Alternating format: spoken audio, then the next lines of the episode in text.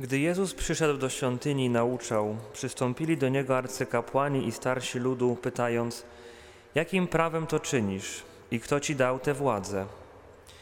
Jezus im odpowiedział: Ja też zadam wam jedno pytanie.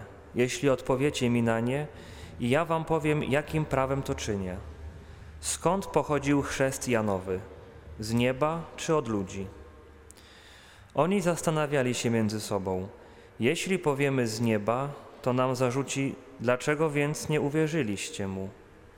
A jeśli powiemy od ludzi, to boimy się tłumu, bo wszyscy uważają Jana za proroka. Odpowiedzieli więc Jezusowi: Nie wiemy. On również im odpowiedział: Zatem i ja wam nie powiem, jakim prawem to czynię. Oto słowo Pańskie.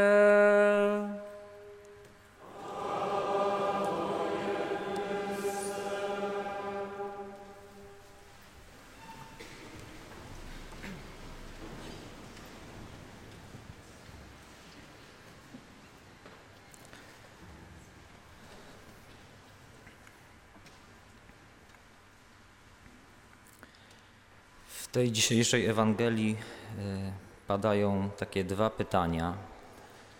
E, Pierwsze pytanie to jest pytanie do Pana Jezusa, e, pytanie o,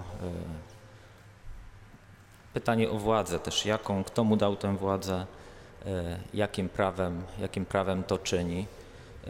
I to nawet nie chodzi o to, że on właśnie teraz jest w świątyni i naucza w świątyni, ale Bardziej o to, że on z tej świątyni wcześniej wyrzucił tych wszystkich kupców, powywracał stoły, porozrzucał pieniądze. E, dokonał takiego ewidentnego znaku dla wszystkich, e, więc się go pytają, e, no jakim prawem, skąd masz tą władzę, jakim autorytetem się podeprzesz. I myślę, że cokolwiek by też Pan Jezus odpowiedział mm, na to pytanie, ta odpowiedź nic by nie przyniosła. Mógłby się rzeczywiście powołać na jakiegoś nauczyciela, na autorytet pisma, może na kogoś z arcykapłanów czy tych starszych.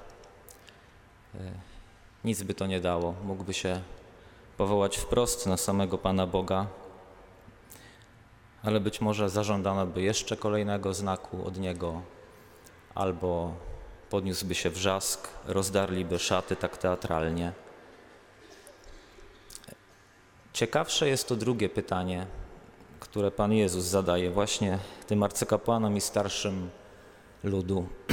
Pytanie, które warunkuje odpowiedź na to poprzednie. I kiedy ono pada, skąd pochodzi ten chrzest Jana Chrzciciela? Czy to jest sprawa Boża, czy to jest sprawa ludzka. To wtedy ci, do których to pytanie jest skierowane, e, oni szybko się orientują, że to pytanie, odpowiedź na nie i też skutki tej odpowiedzi no mają bezpośredni jakby wpływ na ich życie, związek z ich życiem, dotykają ich osobiście. No bo co mają powiedzieć?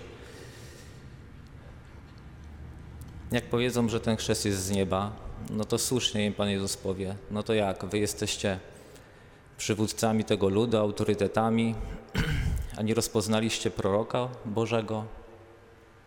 Musieliby się przyznać do błędu. A jeżeli to świadomie, świadomie odrzucili Jana Chrzciciela, no to tym bardziej, tym bardziej nie mogą być żadnymi przywódcami i autorytetami. Jest jakaś strata ale jeżeli powiedzą, że rzeczywiście e, to jest sprawa tylko i wyłącznie ludzka, no to również ten autorytet stracą, no bo nie będą już mieli posłuchu wśród ludzi. Z tej strony strata i z tej strony strata, więc wybierają odpowiedź nie wiemy. Tylko, że w gruncie rzeczy w tym wypadku to jest zwykła ucieczka od odpowiedzi. Nie jest żadna odpowiedź. Pozwala im oczywiście zachować status quo, ten stan jakby posiadania, który mają, bo się w gruncie rzeczy nic nie zmieni. Wszystko będzie tak, jak było. Odpowiedzi żadnej nie udzielimy, ale też nie udzielając odpowiedzi, nie dowiedzą się, nie dowiedzą się, kim jest Pan Jezus. Ja myślę, że to jest, ja myślę, że to jest świetny obraz, e, ta cała scena, że to jest świetny obraz mm, relacji pomiędzy każdym z nas i, i Panem Bogiem. Relacji Bóg, człowiek, człowiek, Bóg. Bo, bo Pan Bóg do nas mówi e, w przeróżny, w przeróżny sposób. I mówi do nas przez Słowo Boże, przez Pismo Święte. Mówi do nas przez jakieś znaki. Mówi do nas przez słowa innych. Mówi przez jakieś sytuacje, przez jakieś wydarzenia w naszym życiu. Czasem mówi przez jakieś takie zwykłe, ale, ale też i bolesne ukłucie gdzieś tam w naszym sercu. Że to wszystko nas stawia przed jakimś wyborem, przed tym, żeby udzielić Panu Bogu odpowiedzi na, na Jego pytanie. Czy powiedzieć Mu tak i się nawrócić, czy też powiedzieć nie. Nikt z nas nie chce mówić nie Panu Bogu. Nie chcemy, nie chcemy Go stracić. Ale powiedzieć Panu Bogu tak, to również wiąże się z jakąś stratą. Z czegoś trzeba zrezygnować, coś trzeba przerwać, z czymś trzeba zawalczyć, coś trzeba w swoim życiu zmienić, coś po prostu stracić. No i wtedy przychodzi ta odpowiedź trzecia. Można po prostu tego pytania Pana Boga nie usłyszeć, powiedzieć sobie, że nie wiem, bo życie jest przecież skomplikowane, e, nic nie jest czarno-białe, mm, jest więcej tych odcieni przecież. Zrobić sobie jakiś bilans zysków i strat, albo powiedzieć, że może jeszcze nie teraz. Cały mechanizm jakiejś racjonalizacji się wtedy uruchamia w nas, żeby jakoś siebie przed sobą uratować, bo w gruncie rzeczy nie mamy żadnych złudzeń, że przecież Pana Boga nie oszukamy. I odpowiedzi brakuje. A Panu Bogu trzeba odpowiedzieć. Jemu należy się nasza odpowiedź. Najlepiej powiedzieć mu po prostu tak. I to trzeba powiedzieć mu to tak właśnie teraz, bo już później żadnego lepszego momentu na to nie będzie. Jemu należy się odpowiedź, nasza odpowiedź.